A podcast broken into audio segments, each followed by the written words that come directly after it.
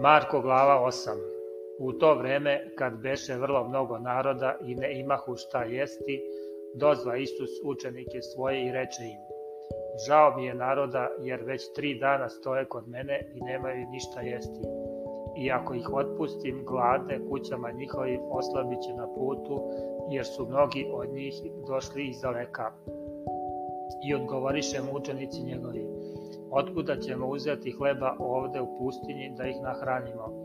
I zapita ih, koliko imate hlebova, a oni kazaše sedam.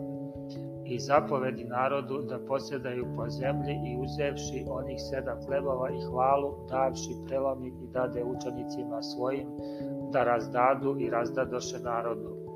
I imahu malo ribica i njih blagoslovivši, reče da i njih razdadu i jedoše ih, nasitiše se i nakupiše komada što preteče sedam kotarica, a onih što su jeli beše oko četiri hiljade i otpusti ih.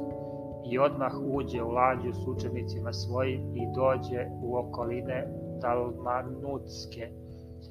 I izađoše fariseji i počeše se prepirati s njim i kušajući ga iskahu od njega znak s neba i uzdahnuvši duhom svojim reče, zašto rod ovaj znak traži?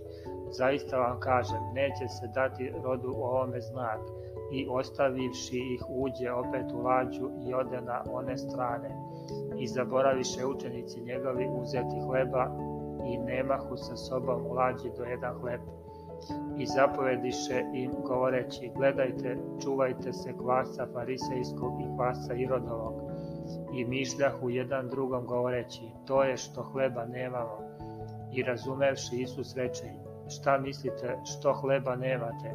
Zar još ne osjećate niti razumete? Zar je još okamenjeno srce vaše? Oči imate i ne vidite, uši imate i ne čujete i ne pamtite li? Kad ja pet hlebova prelomih na pet hiljada koliko kotarica punih komada nakupiste, rekoše mu dvanaest a sad sedam na četiri hiljade koliko punih kotarica nakupiste komada, a oni rekoše sedam.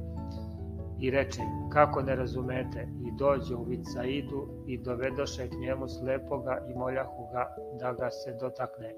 I uzevši za ruku slepoga izvede ga napolje iz sela i pljunovši mu u oči metnu ruke na nj i zapita ga vidi li šta i pogledavši reče, vidim ljude gde idu kao drva.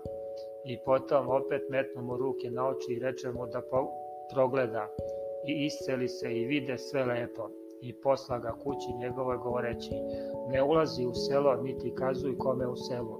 I izađe Isus i učenici njegovi u sela Ćesarije, Filipove i putem pitaše učenike svoje govoreći im, ko govore ljudi da sam ja?